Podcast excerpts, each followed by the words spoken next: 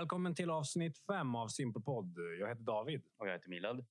Idag ska vi prata med en man som heter Peter Walderhaug. Och han är mental tränare och vi ska prata lite om vad hans eh, jobb innebär. Och eh, Peter, välkommen hit. Tusen hjertelig takk. Veldig, veldig hyggelig å få lov til å være med på podcasten deres. Tack ska du ha. Så, har du möjlighet att förklara för mig vad är, vilket spår eller vad var det som gjorde att du startade med mental träning och coaching? Vi skal hoppe rett inn i det. Ok, Det er, det er fint. Det, er. Vi liker å hoppe rett inn. i det som fikk meg til å starte med mentaltrening coaching, uh, var vel eh, det å merke at jeg ble mer styrt av det jeg fortalte meg selv, Mm. enn det jeg faktisk opplevde. Sånn at jeg har hatt eh, Ta et konkret eksempel. Da jeg tok, eh, tok en bachelorgrad, så opplevde jeg at jeg fikk veldig mye hyggelig, positiv respons på den jeg var. Men historien min i hodet var at jeg var fortsatt en usikker kar som hadde sosial angst, og at de, den positive responsen jeg fikk, var at de fleipa med meg. At, eh, at de kødda med meg, rett og slett. Mm. Så jeg tillot ikke meg selv å tro på den positive responsen jeg fikk. Eh, og så opplevde jeg jo da at jeg brøt broer og lot være å knytte en del eh, bånd med mennesker som, som var ordentlig bra mennesker, men som jeg holdt meg unna fordi jeg av en eller annen merkelig grunn lagde en historie inni hodet mitt om at de ikke var genuint interessert i å bli kjent med meg. Spennende. spennende. Så egentligen en tuff, sikkert en tuff, tuff opplevelse. Hur lenge siden var dette? Var det lenge sedan? Var det när du vokste opp, når du var barn? 13 år siden begynte vel, eh, ja, vel det her. Og det fikk dig inn på det her spåret som mental Ja. coach. Kan man kalle deg mental coach? Ja, du kan kalle meg mental coach eller mental trener eller, eller bare coach. Det er, mm. det er, coach er jo ikke noe beskytta tittel, så, så jeg eh, Du kan bestemme selv. Så, så efter den upplevelsen så kom du inn på det spåret og nå hjelper du andre mennesker å, eh, och, behärska sin, sin, sina mentala processer kan man säga. För att, Ja, det, det kan du si. Eh, för att tenker leva ett rikare liv. For å gi det et rikere liv, eh, ja. Um, Men også det at jeg tror at det viktigste et menneske kan gjøre, er å mestre sin egen indre dialog og sin egen indre selvsnakk. Uh, For uh, vi har alle uh, haugevis av historier som rusler og går opp i hodet vårt hele tiden. Eh, Og vi blir på en måte programmert av de historiene som vi forteller oss, eh, som baserer seg på eksterne uttrykk, annet. Og vips, så har vi laget en eller annen sannhet inni hodet vårt som bare rusler og går, skaper masse følelser inni oss. Og så gjør vi noe som vi har lyst til å gjøre, og andre ganger så gjør vi ting som vi vet vi ikke burde gjøre. Og alt er et resultat av de historiene. Det, det, kan, det låter som en bevisstgjøringsprosess, Då. Du blir mer medveten om alla röster i huvudet, så att säga. Alla tankar vi har. Ja, så blir man mer medveten så kan man behärska dem mer. ja, det, det er en bevisstgjøringsprosess.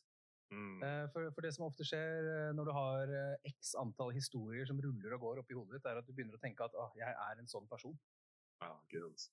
Og for eksempel eh, ja, hvis, man, hvis man går og forteller seg selv at «Åh, jeg er deprimert, for eksempel, så blir det veldig mye mer vanskelig å kvitte seg med de deprimerende tankene enn hvis du faktisk kaller det det det er. En deprimerende tanke som går på repeat om igjen og om igjen og om igjen. Mm. Og så blir det veldig vanskelig å liksom separere seg selv, selve identiteten sin, fra de tankene som rusler og går opp i hodet sitt. Sen har du ju liksom fysiologin hänger jo med eh, mentalitet og mentalitet henger ihop- så ihop med fysiologin. aller høyeste grad. Exakt. Men eh, en fråga är, du startade med coaching och innan det så hade du ganska många historier som gjorde att du kom fram till den du är idag. Mm. Ja. Och vad är det, det vanligaste som dyker upp nu ofta hos dina kunder och klienter om och om igen som du ser, lägger märke till att det här går om och detta går om och detta går om? Ja, det er et godt spørsmål. Um, Jeg tenker at det aller vanligste jeg møter på, er Det blir et litt filosofisk eh, spørsmål, på en måte. Eh, fordi folk har en tendens til å ha et spørsmål inni hodet sitt som sier 'Hvem er jeg i forhold til alle de andre tingene jeg ser eksternt?' Hva er mitt liv i forhold til det perfekte livet jeg ser på sosiale medier? Hvem er jeg i forhold til den sjukt veltrente kroppen eller den eh, vanvittige millionæren? Hvem er jeg? Og så har man en tendens til å la være å sette høye, ambisiøse mål for seg selv fordi man tror at dette glansbildet man ser et eller annet sted, at det er sånn Nei, det er så langt unna. Jeg er ikke en sånn person. Det er det som går igjen. Det her er bra greier, altså. Og det er, er, skriver ned dette. Mm. det er kult. Väldigt bra. Og det er, det er det samme for alle. Eh, om det er en toppleder, eh, hvordan gjør min business det i forhold til eh, konkurrentene sin business, så er det et gap. Det er det samme med en eller annen tilsynelatende rik, vellykket, happy influenser med 100 000 følgere. Hvem er jeg nå? Hva må jeg gjøre på bekostning av mine verdier? Verdier som jeg kanskje ikke engang vet hva er, for å tilfredsstille markedsføringskreftene som gir meg betalt. Mm. Så hele tiden så opplever vi sånne gap, og de gapene ser jeg igjen og igjen og igjen. Och de försöker du fylla i med positive positiva affirmationer eller? Nej. Nej. Nej. Eh, De gapene eh, forsøker jeg først og fremst å gjøre eh, mennesket bevisst på. Okay. At for, for, for jeg kaller det et gap, og det er ikke sikkert Det kan godt hende det sitter lyttere her hjemme nå og så tenker jeg har ikke noen gap. Nej. Mm. Mm. Det er eh, for, for jeg forsøker å belyse og, og gjøre sånn at dette mennesket skjønner at ah, shit, det er et gap. Mm. Det er tankene mine.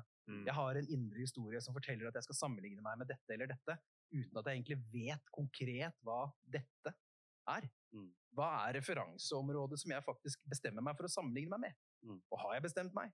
Hvem har bestemt seg på mine vegne? Mm. Og det er, eh, det er, det er, føler jeg at det er min hovedoppgave. Mm. Å synliggjøre hva er det faktisk du lar styre i livet ditt. Så det er en bevisstgjøringsprosess, som du Mm. var inne på tidligere. tidligere.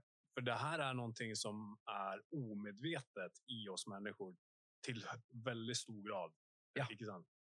Og så kommer du som en yttre faktor og gjør meg, om jeg er din kund, eh, observant och eh, medveten om mine indre processer. Og da kan jeg på noe sett ta mer kontroll over den storyen i hodet. Ja. Og da styrer ikke det meg like, till like stor grad som det gjorde når jeg var omedveten om det. Det er helt riktig. Sånn vel fortjente penger. Eller vel spenderte penger, mener jag. Mm. Ikke sant? Om jeg skal eh, komme som kunde til deg. Det er veldig viktig da, å bli medveten om det. Ja, jeg tror det. Altså, alle gjør dette her. Mm. Sånn at hvis det er noen som sitter hjemme og hører på, så får de en aha-opplevelse og tenker ja, shit, er det dette jeg gjør? Ja, det var dumt. Nei, nei, det er ikke dumt. Det er bare det du gjør. Det er verken positivt, positivt eller negativt. Det er, Mm. bare sånn, det er bare sånn livet er. Det er sånn vi har blitt opplært til å tenke. Og da kan man begynne å tenke annerledes. Men man må begynne med det. Og, og det er eh, Jeg har holdt på med dette i snart 15 år nå, og det, det er fortsatt så har jeg daglige Jeg må jobbe med disse prosessene hele tiden. Da jeg var på vei til studio hit i dag, så hadde det sluttet å regne. Jeg gikk ut av bussen, det regnet ikke. Men likevel var det folk rundt meg som gikk med paraply. Og jeg var sånn Mm. Ja, ok. Ja. Så vi mennesker vi har en tendens til å bare fortsette å gjøre de tingene vi gjør, uten å stoppe opp og sjekke har jeg, kan jeg endre det jeg gjør nå. Bør jeg gjøre noe annet, eller skal jeg fortsette? Vi bare går på autopilot. Det er jo det at man kjenner seg litt mer komfortabel med det man gjør, egentlig. Og kanskje ikke vilja komme ut fra sin comfort zone eller noe sånt. Ja, det kan nok ha noe med det å gjøre, Ja. og, og så slipper du å tenke. Mm. For uh, skal jeg Nå blir jeg han karen som snakker om samfunnet. Men uh, Ja, ja. vi har et uh, vi, vi, vi lever i en informasjonstidsalder hvor vi blir utsatt og påvirket av enorme mengder informasjon hele tiden. Jeg, ikke, altså, ikke bare vet jeg hva mine venner gjør, eller hva de spiser til middag, eller hva slags sokk de har på seg, fordi det legger du ut på Snapchat. Mm. Jeg vet til og med hva slags sokk, hva slags badeshorts en eller annen riking i Miami har forrige søndag på den beachpartyen han var på. Og jeg aner ikke hvem den karen er engang. Men det vet jeg, fordi jeg får den dataen, jeg Mm. får den informasjonen matet inn til meg gjennom sosiale medier. Mm. Og jeg sitter der som en sånn, som en sånn kar som bare sånn Ja.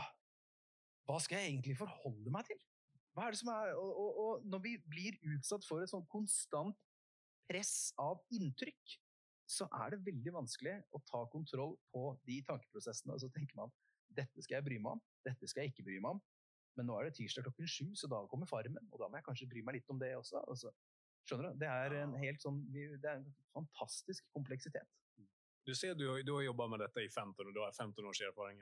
erfaring. Men hur, hva er det du sier til deg selv nå når du har blivit mer medveten om de her prosessene i ditt eget huvud? Hva er det for prosesser du har implementert i deg selv nå? Ja. Er det noe du kan gi tips til oss kanskje om det? Eh, Milad var så vidt inne på det i sted, eh, dette med affirmasjoner. Mm. Jeg tror egentlig ikke på affirmasjoner, for det er sånn Hvis man sånn, Si til deg selv ti ganger at du er glad. Det er sånn Jeg er glad, jeg er glad, jeg er glad. Jeg er glad, jeg er glad, jeg er glad. Det funka ikke! Ja. Og så, så, så, så glemmer man det viktigste ved en sånn affirmasjon, og det er å hente frem de følelsene som representerer glad for deg. Sånn at det jeg gjør, er eh, hver dag før jeg går og legger meg, så planlegger jeg Jeg setter meg ikke ned og skriver og sånne ting. Jeg har en sånn rask eh, planlegging om hvordan, hvordan kommer morgendagen til å se ut. Hvilke utfordringer kanskje møter jeg? Hvordan har jeg lyst til å reagere i de utfordringene? Og så ser jeg for meg hva slags følelser er det jeg trenger for å reagere på den måten jeg har lyst til i disse ulike utfordringene. Fordi vi er ingenting uten de følelsene vi har. Mm. Sånn at når jeg da våkner opp dagen etter, så kjenner jeg allerede den der good, eh, good times-følelsen inni kroppen min, for jeg føler at jeg har kontroll. Uansett hva som kommer i veien på meg nå i dag, så har jeg kontroll. Fordi jeg har visualisert dagen i forveien og tenkt hvilke følelser trenger jeg nå egentlig i dag. Og da slipper jeg å tenke like mye dagen etter. Så når jeg da står foran speilet og sier jeg er glad, så kan jeg lukke øynene i tre, fire, fem sekunder før jeg begynner på disse affirmasjonene, og så kan jeg se hvor er det den følelsen jeg trenger for å være glad, hvor er det den sitter i kroppen min? Tenk litt på det nå, for eksempel. Mm. Når du føler deg skikkelig, skikkelig glad, hvor er det den følelsen sitter i kroppen din? Er det magen? Er det brystet? Mm. Er det hodet? Og så kan du bare begynne å legge merke til at den følelsen dobler seg. Og så kjører du inn i den følelsen, så lukker du øynene videre og bare hm, Ja, det er sånn det føles ut å være glad. Mm. Jeg er glad. Jeg er glad. Og så jobber du inn den følelsen i affirmasjonene dine. Da funker affirmasjoner. Har du da en bild i huvudet samtidig, en vision? Eller er det følelsen i seg selv du går inn i, så att säga? Primært følelsen i seg selv. Så man, trenger, man behøver ikke ha bilder og sånne saker? Ikke nødvendigvis, men det hjelper. Ja. Selvfølgelig, altså Hvis du har en visjon, hvis du har en eller annen et, et, Simon Sinek sier 'start with why'. Mm. Så hvis du har et sterkt why Du kan ikke ha et sterkt why uten å ha sterke følelser til det. For et why er bare så sterkt som de følelsene som ligger bak. Det syns jeg er litt viktig å få frem.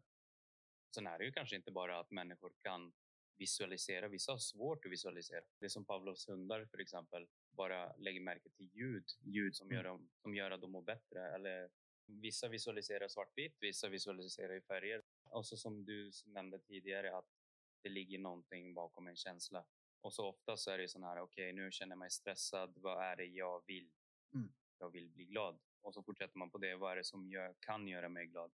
det finns olika lager för att jag ska känna mig glad. Lugn, behärskad och så vidare och så vidare och så vidare tills du kommer till den känslan glad. Eller vad? Tänk om, Du tänker menar, om du du, har, du menar att du har olika regler för att bli glad? Ja, för det är ju liksom oftast när man säger så här, ja, nu är jag stressad, nu mår jag dåligt, nu vill jag bli glad. Jo, Mm. men det är ju olika nivå, alltså nivåer för att kunna... Er det det for deg? Jag tänker så. Ja.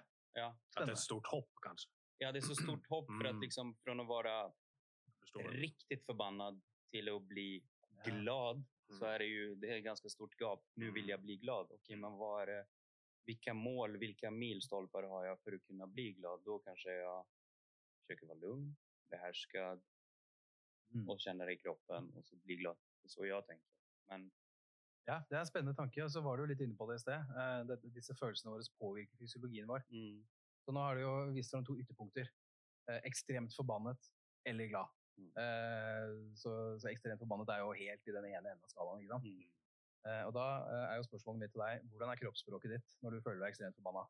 Er du sammenknyttet i kjevene dine? Hvordan er skuldrene dine? Beveger du deg litt ned? Hvor er blikket ditt? Og hva, hva slags tanker er det som går på autopilot? Hvis du neste gang du er ekstremt forbanna, stopper opp og sier hva er det egentlig jeg forteller meg selv nå? Jeg skal vedde på at det kommer en eller annen sånn herre Jeg er forbanna. Helvete, det her gikk ikke akkurat sånn som jeg trodde det skulle gå. Åh, nei, de, de, de likte ikke ideen min. Det gikk ikke. Åh, og så er det sånne tanker man har. Eh, ja, da er veien ganske lang til å bli glad. Da må du jo først slutte å tenke de tankene. Men før du kanskje klarer å slutte å tenke de tankene, så må du endre fysiologien din. Så mitt beste tips bare rette opp ryggen din. Og så må man bare rett og slett si nå har jeg vært forbanna. Da skal jeg få lov til å være forbanna i fem minutter til. Og så skal jeg gjøre mitt beste for å ha rett rygg, blikket løftet, og begynne å fortelle meg jeg har fått fem minutter. I de fem minuttene kunne jeg være så forbanna jeg bare ville. Nå har de gått. Hva vil jeg bruke tiden min til nå? Da tar du kontroll på den prosessen, for den trenger ikke være like lang. Du kan ha verdens fineste dag, og så mister du en hammer på stortåa di, og så får du akutt smerte, og så blir dagen akutt kjip. Det er sånn med gode følelser også. Bare disse, disse følelsene, Hvis du ser på barn, for eksempel, så har ikke de noen problemer med å gå fra å fly forbanna til kjempeglad på veldig kort tid. Men vi voksne vi er kondisjonert. Vi er lært til at Vi er på en måte programmert til å ha flere sånne stadier. For vi har fått mer kunnskap. og passer seg ikke å være glad i denne anledningen. Det må være litt sånn, det må være litt sånn. Og hvis du er dritglad og går rundt og sier det til folk, så er det sånn Er du så glad for det? Ja, nei, ja, ja, ja. nei, jeg er ikke så glad, da. Så modererer vi oss litt. Og så ender vi på å være litt sånn moderat glad. Moderat, ja. Det er veldig lett å havne i det her grupptenket. At man blir så påvirket av andre människors eh, syn på oss. Da. Mm. Hur får man egentlig det här, eh, det här eh, hur ska jag kalla det, det här um, avståndet från andras åsikter? Man måste ha en väldigt stark inre virkelighet av vem jag är, vad jag står för, hur jag vill leva mitt liv. Mm. Det är väldigt utmanande tänker jag för många att, att få till den här styrkan.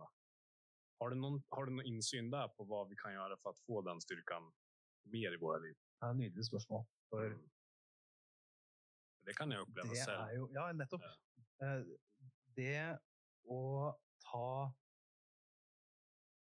ta grep i henhold til den situasjonen du befinner deg blant andre mennesker, den er tøff. Som en prest, da, virker det som. Ja, eh, det er det. Eh, Og så er det jo sånn at Si at du har en gjeng med kompiser. Venner, venninner. Du er glad i de, dere henger sammen. Det er good times. Mm. Dere koser dere, god stemning, sånne ting. Og så for eksempel får du en, en eh, beskjed fra sjefen din på jobb om at uh, du kan få en forfremmelse. Men den forfremmelsen krever at uh, du tar litt mer utdannelse, du tar noen kurs, Um, og så innser du at oi shit, hvis jeg skal ta disse kursene her, så kan jeg ikke være med ut på byen neste helg. Da, da, da må jeg faktisk prioritere tiden min litt annerledes. Og det du da risikerer å oppleve, er fravær fra alle disse positive følelsene med vennegjengen din. Og da er det sånn Ja, hva, hvor henter jeg positiv driv nå? Mm. Hvis jeg har fravær fra vennegjengen min fordi jeg skal gjøre skole, hvor er mine positive følelser? Så, så da er det viktig å tenke tilbake til why. ikke sant? Da er det viktig å tenke hva er det jeg får ut av å faktisk prioritere tiden min annerledes nå? Og så må du begynne å bygge den biten der. De følelsene rundt nå har jeg valgt å gå en litt annen vei. Hvorfor? Hva får jeg igjen? Hva har jeg lyst til å sitte igjen med når jeg er ferdig? Og hvordan kan jeg kommunisere dette til vennene mine på en måte som de forstår? Det er kanskje den tøffeste. sant, ja. Så du får, du får din styrka från det här why som vi kallar det. Hvorfor gjør jeg dette? Mm. Sen är det ju så här, så som jag tänker nu när jag höll på med coaching innan så höll, höll jag på med att ju mer du ställer varför i det du vill göra eller vill hålla på med, Mm. ju, mer, ju närmare svaret du kommer. Mm. Men vart är det stopp? Så en gång så hade jag coachat en eh, person och så eh, jag vill bli bättre för att sälja mer i företaget som jag jobbar i. Ja, varför det? Nej, för att tjäna mer pengar.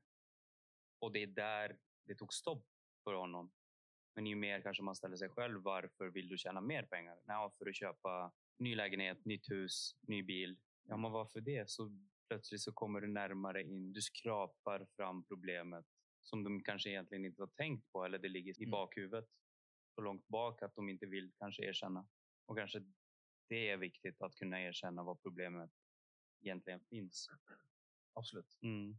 Eh, For det er jo sånn som vi var inne på litt i sted, når vi blir Vi har så mange ting som påvirker oss. Mm. Så det ligger en litt sånn en, en, På en måte en norm som forteller oss hva er suksess? Hva skal jeg tenke? Hvor mye penger er nok penger?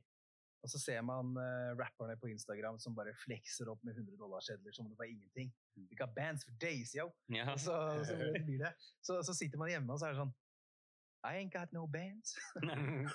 Jeg har, jeg har, liksom, jeg, har knekkebrød og jeg har makrell i tomat på skiva mi. Liksom. Er det noe gærent med meg? Hvorfor, hvorfor, får jeg ikke, hvorfor jeg får ikke det som de har? Um, og da er det veldig naturlig at Kall det din første, første motivasjon. Den er basert på alle de inntrykkene som du har rundt deg. Det er litt sånn som vi er barn. ikke sant? Hva ønsker du deg? Jeg ønsker meg eh, Lego. Fordi alle andre har den Legoen. Mm. Du har ikke lyst til å være ute på grunnen. Eh, ehm, og når du da bruker en sånn hvorfor-teknikk, så graver du deg dypere. Og du kommer til slutt ned til verdiene dine. Bak penger, status og sånne ting, så ligger det ofte anerkjennelse. Eller så ligger det noe sånn som eh, føle seg verdsatt. Og det er ganske dype greier. Og spesielt menn har utfordringer med å faktisk innrømme at jeg ønsker bare å føle meg verdsatt. Og så har jeg litt lyst til å bli anerkjent for de tingene jeg føler at jeg er god på. Og, og det å ta den praten med noen, det er ganske tøft. Fordi det ligger følelser i det. Og, og det er sånn Ja, hvem er jeg til å få lov til å føle meg verdsatt? Da er det mye enklere å heller tenke sånn Jeg skal ha en ny, fet bil. Det er det jeg skal ha. Det er Mm. dritfett. Men vi må tørre å snakke om de følelsene. Så er det sånn at det er ingen som lærer oss på skolen å snakke om verdier. Hva er det du egentlig står for? Hva er, men, altså, ta det dere to, for eksempel. Hva er det dere kan virkelig bare Hver morgen så bare Dette er det jeg står for. Nå skal ikke jeg foregripe noe. Jeg bare tenker Nei, nei. at uh, de aller færreste menneskene tar faktisk tid til å ta en gang i måneden eller noe sånt. Dette er verdiene mine. Å jobbe ut dette, dette er det som er ordentlig viktig for meg. Jeg har holdt på med dette i 15 år. Jeg vet at min viktigste verdi er åpenhet. Men fortsatt så kjenner jeg at alle de andre verdiene de driver hele tiden og endrer seg litt. Grann. Eh, og så er det ikke alltid i alle situasjoner at det er like viktig å ha den type verdien eller Nei. den type verdien. Det, det, det varierer. Men du er nødt til å vite noe om hva de er, for å så klare å navigere denne informasjonsjungelen som vi lever i. Och samtidig så er det om du ikke vet hvilke vurderinger, om du ikke vet kanskje hva du står for, så vet ikke folk hvordan de skal håndtere deg. Til eksempel, vet jeg ikke hvem jeg er som person så er det jo så enkelt for andre for å se det og at de ikke behandler deg godt. Og eller du kan akseptere så mye dumt fra andre, eksempelvis, om du ikke vet hva du står for, eller Ja. hvem du er som person. Ja, det, det er faktisk det er, det er veldig viktig. Ja. Um, det er mange mennesker som finner seg i sjukt mye dritt fra andre. Og så paradokset i det er at de, det er ikke alltid de skjønner at dette er, som, dette er noe som faktisk går utover meg. Jeg har møtt folk i 40-50-60-åra som bare våkner opp og bare sånn Jeg må bytte karriere. Jeg må gjøre noe annet. Jeg jeg har sett, eh, nå har jeg akkurat undervist eh, i coaching og relasjonsledelse på en skole ute i Østfold med, med voksenopplæring. Og jeg, jeg blir stum av beundring når mennesker på 40-50-60 år bestemmer seg for å gå på skolen igjen. For man, man, man, det er nesten så man skulle tro, hvis man ikke vet bedre, at det er for seint for de å lære. Men heldigvis er det ikke det. Men hvis man forteller seg at det er det, hvis man bare aksepterer at jeg blir utsatt for ting, jeg opplever ting, og det definerer meg Hvis man aksepterer det som en sannhet, så går man glipp av valgmulighetene. Og da risikerer man å ende opp i en sånn situasjon som du snakker om, Milad. Det at du blir utsatt for ting som du innerst inne merker at det er noe gærent her. Jeg liker ikke å bli utsatt på denne måten, men jeg vet ikke hva det er. Tilbake til den eh, bevisstgjøringen der, om de rösterna. Har du, noen spesielle, har du noen spesielle prosesser for at Er det bare spørsmål du stiller dine klienter for at de skal bli mer medvetne om de ulike olika rösterna, om man kan kalle det det, i hodet? Da. Sitter du der og stiller dem spørsmål da, hele tiden? Det, det høres er sånn- Röster, du, forstår sånn- Ja. Hvordan uh, synliggjør vi alle de stemmene i hodet? Så sitter Ja. en psykolog og bare sånn He's making people schizo. Eller rettere sagt, du kanskje, du kanskje gjør at de blir mindre schizo. De, de får sin sanne røst tilbake, så at si. Men har, Ja. er det bare spørsmål du stiller? Det kommer, det kommer an på fra person. person, person. Okay, Ok, ok. Jeg gjør mye sjuke greier. Alt fra lett transeinduserende hypnose til, okay eh, eh, til visualiseringsteknikker, eh, hvor vi booster inn en del følelser, Mm. til ankring av nye følelser. Eh, og mye metaforer, historier. Eh, for eksempel, eh, jeg elsker historien om altså, hvis, hvis du ser, dette, med, dette med følelser, hvis du ser for deg en, en person som ble mobbet på barneskolen, f.eks.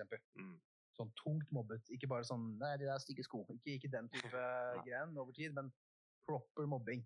Sånn vondt i magen, uh, gå hjem, buksevann omtrent. Den, den type kjipe greia. Det, ja, det, er ofte sånn da, at når den personen i voksen alder kjører forbi barneskolen sin som voksen, så kommer de rett tilbake til den kjipe følelsen i magen. Det er eh, ankring av en følelse. Eh, og når jeg bruker sånne historier til å eksemplifisere disse negative følelsene vi utsettes for, så så jeg et frø. Et lite frø som, som synliggjør muligheten av Oi, kanskje det funker sånn med positive følelser også.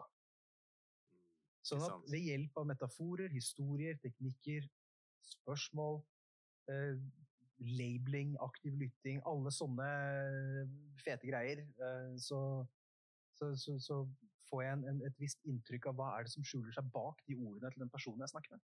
Hva slags følelse er det egentlig her? Og, og, og veit den personen at den følelsen er der? Kanskje, kanskje ikke. Det må vi finne ut av. For å gjøre det medvetet for folk som lyssnar om vad hypnos är. Ja. Kan du förklara vad hypnos är eller hur gör du en hypnosprocess med dina klienter? Att det är så pass negativt laddat. Ah, hypnos, nej jag tror inte på det. Ja. Och så vidare. Det er en, det er en ærlig sak. Jeg tror ikke alltid på hypnose, jeg heller. Nej. Eh, så må jeg også si det at det finnes litt forskjellige typer hypnose. Du har denne scenehypnosen, hvor eh, du sånn her, eh, lukker øynene, og plutselig er du en kylling. Mm. Eh, eller eh, sånn som han hockeyspilleren ble utsatt for på VGTV den gangen, hvor han plutselig ble fly forbanna av ingen grunn, og han knipsa, og så ble han kjempehappy og, og sånne ting. Den hypnosen driver jeg ikke med. Det, det kan jeg rett og slett ikke. Um, den type hypnose jeg gjør, det er en sånn lett transeinduserende hypnose, som det heter. Mm. Uh, for sånn som du var inne på i sted, alle disse inntrykkene vi blir utsatt for, dette med 'jeg vil ha ny bil', det ligger der. Det kommer helt i overflaten. Og med en gang vi kan bare være rolig Du kan nesten kalle det en avspenning. En avspenningshypnose. Det er omtrent det jeg driver med. Hvor, eh, hvor du får lov til bare roe deg helt ned. Hvile. Slappe av. La liksom de tankene som egentlig ligger inni hodet ditt, komme frem til overflaten. Så det er egentlig bare en, en, en metaforisk historie som lar deg få lov til å slappe helt av i, i tankesettet i hverdagen, sånn at du klarer å lytte til hva som egentlig finner seg bak deg. Det er den typen hypnose jeg driver Spennende. Spännande. Wow. spennende. Det her er bra greier. Altså. Ja, så vi har tenkt lenge på å prate med deg, Peter, om det i vår podcast her, og det er så utrolig Jeg syns det var veldig hyggelig å få lov til å komme. Ja, det var jeg, altså, jeg elsker å prate om, uh, elsker å prate om sånne ting. Så um, Hva er det som, jeg, har en, jeg kom med en fråga til meg. Hva er det som gjør deg inspirerad i dette du driver med? Ser du mye forbedring i dine klienter? Jeg er hoppas jeg du sier ja, annars er du en dårlig kurs. uh, här. kort fortalt, ass, uh, det, som, det som driver meg framover Nå kjenner jeg nesten blir rørt. Det Mm. er ikke sant, Nå har jeg gåsehud. Uh, det en bra fråga. det er eh, Det som driver meg framover, det er at, å, å se hva et menneske kunne vært hvis han ikke sto i veien for seg selv. Ah, Ja. For det er ingen andre enn oss selv som lager disse historiene vi har i hodet. Og, og jeg vet, jeg har opplevd det selv. Jeg hadde så kraftig sosial angst eh, i 17-18-19-årsalderen at jeg, jeg sleit med å være ute blant folk. jeg vet hvordan disse historiene funker. Jeg har, jeg har, jeg har, jeg har vært gjennom alt. Um, jeg har fortsatt historier som påvirker meg negativt. Um, men jeg er klar over dem. Og, og jeg dealer med dem. Og, og jeg ser hvor powerful det er å endre på de historiene. Vi er ikke summen av den historien som går opp i hodet vårt, men det er veldig mange mennesker som tror at vi er det. Nei, jeg er ikke en sånn person.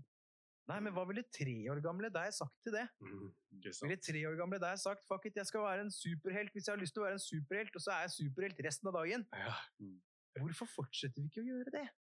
Og jeg ser jeg, jeg vet ikke om det er en uh, yrkesskade eller et eller annet. Jeg ser det indre barnet som fins i hvert eneste menneske, og jeg ser hva, hva kunne du blitt? Og det bare, det, det, jeg, jeg blir så sjukt inspirert av akkurat det. Det, jag tycker liksom Jag det, det här har gått om och om, och om igen i våra avsnitt. Liksom att män ska kunna vara öppna och ärliga och säga det de, det de tycker, det de har slitit med. Och det är, alltså det är stor respekt att du säger det du säger. För att jag tror nog så här också att för att kunna hjälpa folk in i framtiden så måste du själv ha Ja. hjälpt dig själv och sett vilka problem du har. För att då kan du relatera. För jag kan inte lära, jag har inga barn, men jag kan inte lära en förälder hur man kan uppfostra barn. Att jag har inga barn. Jag kan inte relatera. Jag vet inte hur det fungerar. Men samtidigt som i ditt fall, alltså jag vet ju inte hur det är att vara en förälder när jag inte är en förälder själv. Det jag försöker Mm. säga. Ja. Men samtidigt så är det stor respekt av att du förmedlar och säger till andra lyssnare där hemma att du kan få hjelp, men det er bare at du skal være, kunne være ærlig med deg selv og kunne grave i det problemet og se hva som er under ytan. Ner og ned og ned. Og det er sikkert mange lager. Ja, det er så mange lager. Ja. Og det, samtidig så er vi liksom vi som barn, vi vil jo når vi har vært barn, vi vil jo bli voksne så fort som mulig. Men når man er i en vuxen ålder så ser man bare Oi, det var, var verre enn hva jeg trodde. Det er mer motstånd. Det er mer, det er mer problem, det er mer stress, det, det går fort. I alle fall den åldern vi er i nu. og eh, den tiden vi er i nu. Alt går for fort. Vi hinner ikke med. Så det er det jeg, liksom jeg tenker. Og så er det jo bra at det finnes folk som dig som vil hjelpe folk. Ja, det er jo hyggelig. Det, Jag kommer att svara kommer, når du sier det der, kommer jeg å tenke på en sak. om vad är det som, för det är många människor som, som eh, de måste ju vara villig att komma till dig. De måste ju på något sätt uppleva sån smärta i sig själv. För att, nej nu håller det, nu måste jag liksom ta tag i det här. mm. Upplever du det i, ditt, i din coaching att människor går till, liksom kommer till botten och sen så kommer de till dig? Tror du vad jag menar? Ja, jeg forstår at det er mange som tror det. Mm. Eh, Det er mange, det er mange som tror at de må ha det kjipt for å gå til en coach. Mm. Og det er sånn, bro, altså, kan du ikke bare gå til en coach når du har det helt greit? Mm. Og så kan du få det bra. Så blir det sykt mye mindre jobb enn å dra, dra deg fra du har på minussyke, hvor du har det megakjipt, Ja. til bra. Det er ganske mye mer jobb. Det koster deg mye mer penger. enn, hvis, enn hvis du kommer til meg hvis du har det helt, har det helt greit. Jeg har et bra liv. Jeg er happy. Jeg har bare lyst til å være enda mer happy. Mm. Det er fint. Det fikser vi. Mm. Det, det er null stress. Mm. Og, og, og jeg ser poenget til Milad også med at det kan være lurt å ha erfaring med en del områder man skal jobbe om. Eh, jeg er ikke helt enig i det. Eh, jeg har coacha foreldre. Jeg har ikke noe barn. Jeg har coachet foreldre. Jeg har coachet barn. eh, jeg har coachet par. jeg, har, coachet ledere. jeg, har coach, jeg, jeg tror oppriktig at jeg kan coache alle. Fordi jeg coacher ikke nødvendigvis på din, den hverdagen de står oppi. Jeg coacher deg på de historiene som går rundt i hodet ditt. Og de historiene er ikke så veldig ulike fra folk til folk. De er mye likere enn det vi tror. Mm. It's all about the stories, man. Det er det som er oppi hodet mitt. Mm. Det er historier. Hele tiden. Og når vi lærer oss å forstå de historiene, da kan vi endre atferden vår også. Men Sen har du ju liksom, eh, vi har ju olika klienter så som du nämnde nu eh, tidigare. Och ibland så coachar du atleter. Ja. ja. Er Hur är det? Kan du förklara alltså, skillnaden mellan folk som har problem till atleter? Nu vill de uppnå noe. Nu är det inte så mycket problem. Nu är det, Ja, det er eh, Det er ganske likt, altså. det er likt også? Ja, okay. det er det. ja. Eh, for det, det som ofte skjer, er jeg, tar, ta, ta en, eh, Jeg har en, en gjeng med bra, brasilianske jitsu-utøvere som jeg coacher en del. Eh, og så, så snappa jeg opp en bisetning på en sånn gruppecoaching hvor vi sitter og prater sammen. og bare, ja, jeg elsker å gå konkurranser, men jeg hater å gå konkurranser i Brasil. Hvorfor det? Det er for dommerne er partiske. Ja, makes sense. Brasiliansk jiu-jitsu i Brasil. Brasilianske dommere. Ja, det er veldig lett å liksom Mm. gi en liten eh, fordel til, uh, til brasilianerne der. Ja. Så jeg, Hvorfor bryr, du deg om dommeren? Det, det, det her, da, da, innser, da, da handler det om en historie som går opp i hodet også. Jeg gjør det dårligere i Brasil fordi dommerne er mot meg. Og så sier jeg, men du, da vet du jo hva du skal gjøre, gjør du ikke? Nei, jeg aner ikke. Da må du jo gjøre det til null tvil om hva den dommeren må dømme. Du kan ikke vinne på nesten-poeng. Du må gruse den motstanderen din i Brasil. Mm. Så når du er i Brasil, så vet du at du må jobbe enda hardere fordi du har dommeren mot deg også. Det er bare å choke that motherfucker out. Altså. For det, det, er ikke noe, det, er ikke noe, det er ikke noe kanskje. Det er den seieren du må ta. Og, og det bare åpna en helt ny verden å tenke på for den utøveren. Uh, og det, og jeg, jeg, jeg får gåsehud igjen av det, for jeg syns det er så fett. For ofte så, så forteller vi oss selv at det, X er en begrensning. Når det er egentlig bare, det er bare å snu på det, og så kan det fort finnes et vanvittig lager av ressurser bak det. Mm. Så personen trodde liksom at motstanderen var själva dommeren, enn själva motstanderen som han egentlig skulle møte? Uh, ja, i hvert fall at motstanderen var på lag med, eller at Med dommeren var på lag med motstanderen. Egentligen så måste det ju nästan vara att hans story i sitt eget huvud var motståndaren Yes. för, den, för han, Mm. den utövaren.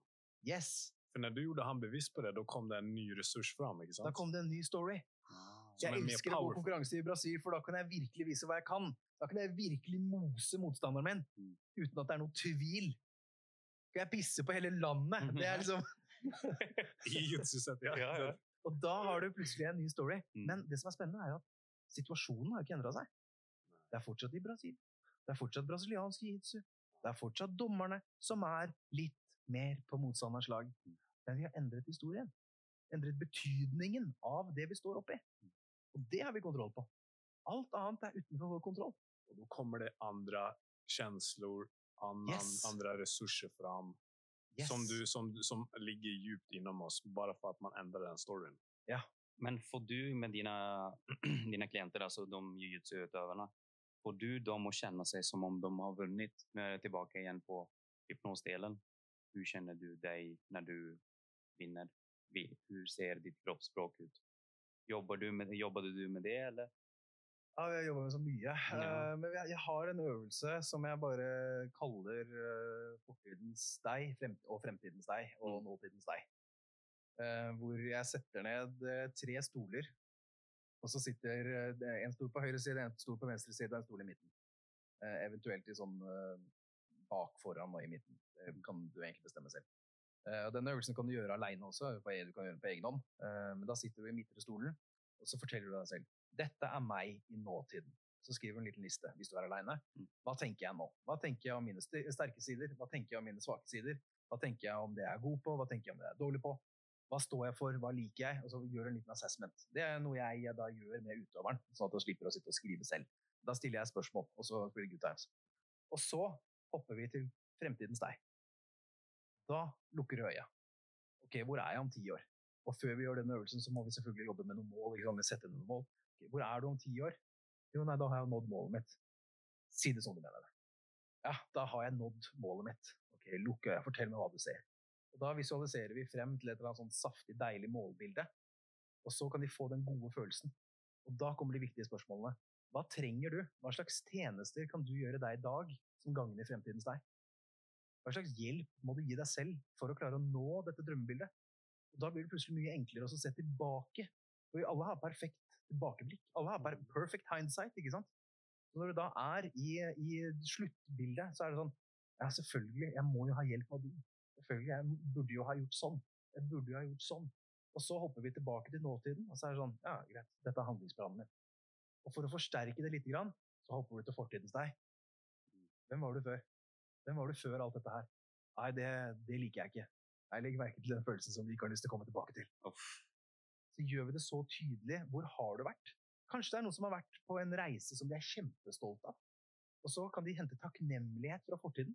Jeg er så takknemlig for at jeg klarte å gjøre disse tingene sånn at jeg sitter her i dag. Og takknemlighet er en powerful følelse.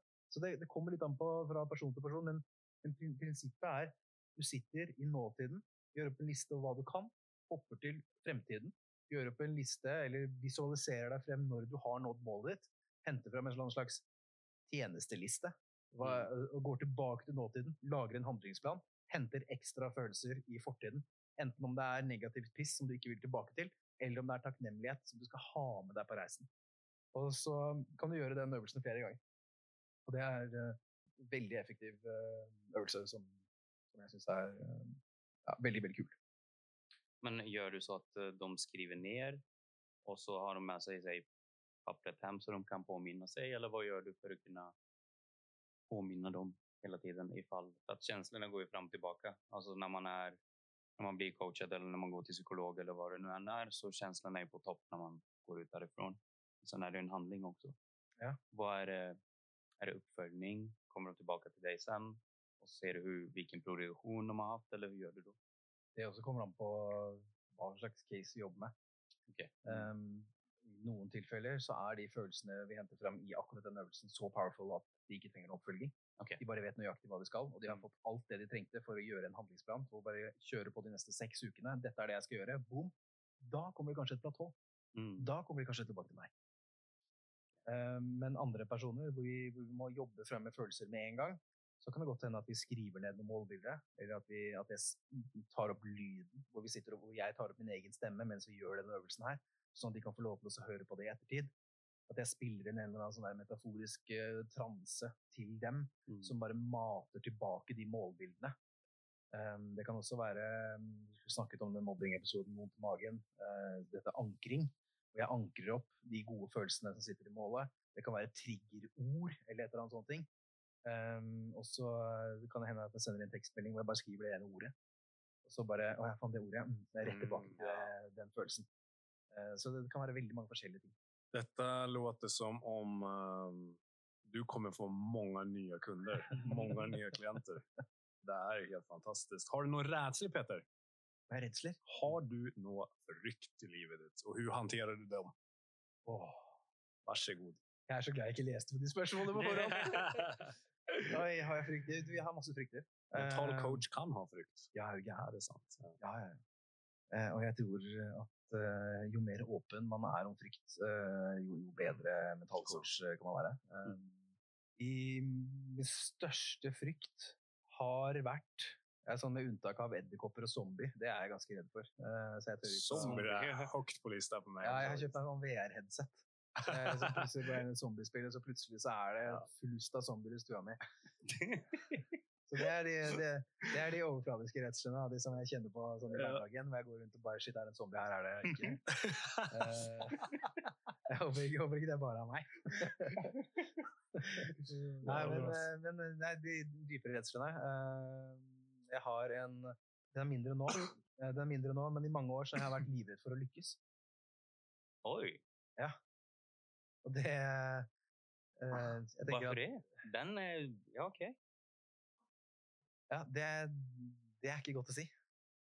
Uh, men jeg har vært livredd for å lykkes. Um, og det tror jeg handler litt om uh, det vi snakket om i sted, dette med grupper og, og sånne ting.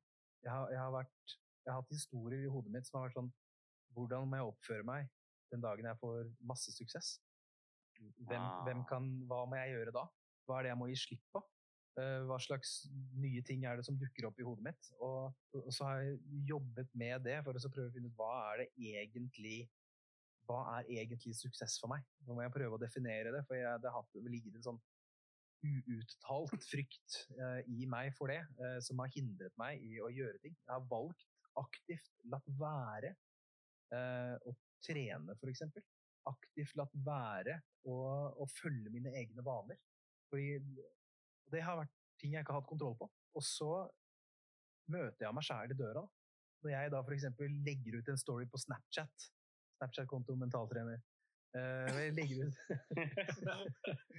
Eh, hvor jeg legger ut en story på Snapchat, eksempel, og så forteller jeg en eller annen historie. hey, hyggelig, det er viktig å tenke sånn og sånn og sånn. og sånn.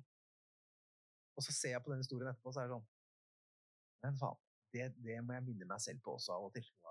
Practice what you preach. Ja, ja, ja. Eh, Jeg er god på historier. Jeg er god på å finne historier. Jeg er god på å hjelpe folk til å ta kontroll på dem. Men jeg er også veldig eh, lærevillig og nysgjerrig. Kanskje det, det viktigste man kan gjøre, og det viktigste, det, det lureste for å face your own fears, det er å være nysgjerrig. Eh, Så sånn denne frykten for å lykkes eh, jeg, jeg tror jeg har kommet over det nå. I hvert fall nå, nåtidens Peter ja. sier at jeg er kommet over den. Og så kan det hende at det får noen sånne relapser av å tenke sånn ah, shit, hva må jeg, hvordan må jeg tenke, hvem kan jeg være kompis med, hva slags standard må jeg vise til vennene mine, blir de pissed på meg hvis jeg bestemmer meg for å ikke henge med dem, hva skjer hvis jeg slutter å drikke? Det er masse sånne ting, ikke sant? Mm. Frykten for å lykkes. For jeg vet at hvis jeg virkelig lykkes, så er jeg beyond. Da, det, Ja, da blir det heftig. Uh, og det er liksom Hva etterlater jeg? Mm. Den, den der frykten for det ukjente blir jo litt sånn da. Eh, Så, så jeg tror at det er viktig å være nysgjerrig. For når du er nysgjerrig, så kan du leke med den tanken. Da, da kan du lage dine egne visualiseringer. Det er sånn, ok, Hva skjer hvis jeg lykkes, da? Og så, så viser det seg jo, altså, når jeg gjør dette med meg selv, så er det sånn OK, det er ikke så skummelt å lykkes likevel. Det er, jeg trenger ikke å ha den standarden eller gjøre de tingene og sånne ting. Mm. Det er bare noe jeg tror jeg gjør. Um, Tilbake til de storyna. Yes. Mm. Men eh, med tanke på når du sier liksom lykkes, nå blir jeg ganske ganska nyfiken her. Hva er lykkes? Når er det lykkes? Hvordan ser det ut når jeg lykkes? Det er kanskje din vision kanskje var for fem år siden om å lykkes, og det er der du er i dag. Ja. Hvordan er det om fem år? Eller om tio år? Ja, Og plutselig ok, står jeg der, nei, jeg har ikke lykkes än. Og så bare nærmere, nærmere, nærmere. Men altså, jeg tenker liksom at folk kan se hvordan ser, hur ser min success ut? Mm, Min framgångsrikhet ut? Mm. När jag väl lyckas. Att lyckas är ju som, okej, nu har jag lyckats. nu sitter jag med Simpelpodd. Men kanske om, om fem, tio år, då, är ju, då lyckas jag kanske med någonting annat. Ja. Eller inte. Jag vet inte. det er en veldig fin måte å se på det på. Mm. Det, det har ikke jeg vært flink til for meg selv. Nej. Eh, Selv om jeg er veldig bevisst min egen atferd, min egen handlingsmønster, tanker og sånne ting. Jeg går i samme fella, jeg også, om og om igjen. Det Ja. til å være sånn her, ha egne blindsoner. Sånn, oh, shit, ja.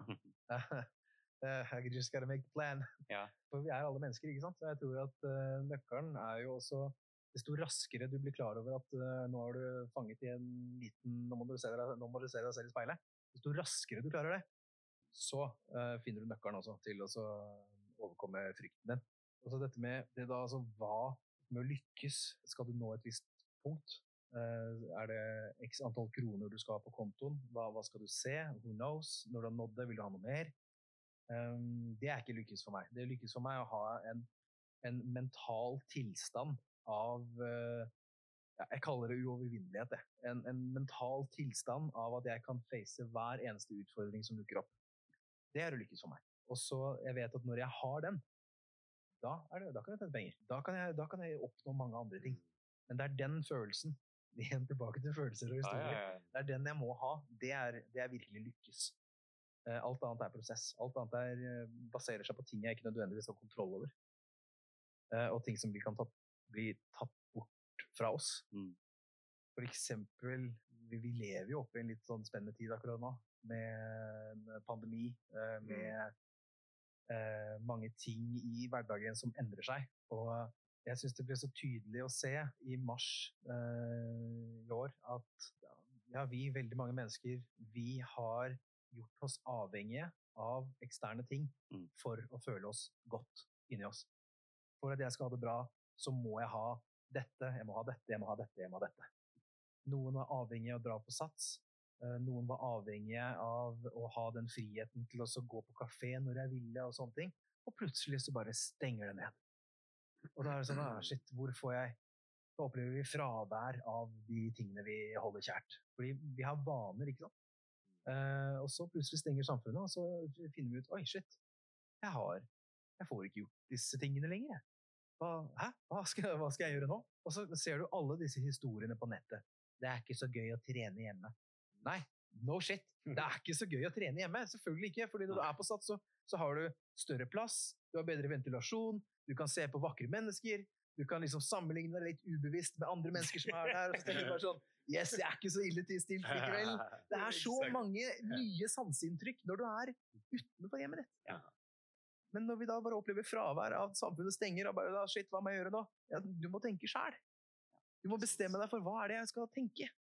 Og det har vi aldri lært. Så det jo sånn så här med tanke på tacksamhet. Alltså, jag har ju aldrig varit så tacksam att gå på en restaurang med en vän så som jag gör nu innan jag gjorde innan pandemin. Altså, du tar ikke ting for gitt på samme måte. Exakt Mm. det. Nu går jag och tränar. Nu tränar jag extra hårt för jag vet inte vad som händer de närmaste dagarna. Men samtidig, samtidigt som alltså det är väldigt gott poäng nu när man snackar liksom om vad som händer idag. Och speciellt också att vad du skal være tacksam for. Exempelvis ha kontakt med nære og kjære. Det er det pandemien gjorde at vi kom nærmere kontakt med våre nære og kjære. Om det nu er via Skype eller via telefon eller hva det, det nu er. är. Eh, och samtidigt så som vi tar saker og ting for givet. Plutselig når du ikke har det. f.eks. at att du har bra jobb så har du blivit permitterad. Så Mm. sitter du der med så mycket Ja. eh, Oi, oi, oi. med så mye skulder og ikke vet hvordan du skal betale, så kanskje det er en liten wake-up call at fuck, jeg burde vel ha tenkt igjennom det innan Mm. sånt hender. Ja, det, nei, det er helt sinnssykt. Mm. Upplever du, upplever du Peter at du har mer kunder nu efter i, under denne perioden? Eller er det liksom Det er samme. Är det det er samme. Det er samme. Eh, Det, det første jeg gjorde da, da denne perioden begynte, var å slenge ut telefonnummeret mitt på Ja, internett og ha gratis uh, telefonsamtale med folk. Ja. Var det noen som ringte, da? Ja, det var noen. Akkurat så stort trykk som jeg hadde kapasitet til, ser jeg i retrospekt. Mm. Mm. Um, men der og da så var det mange færre enn det jeg trodde skulle ringe. Så der og da så var det sånn, ok, det er ikke så mange som ringer, nei. Men jeg ser at de personene som ringte, de fikk jeg faktisk tid til å ordentlig hjelpe. Mm.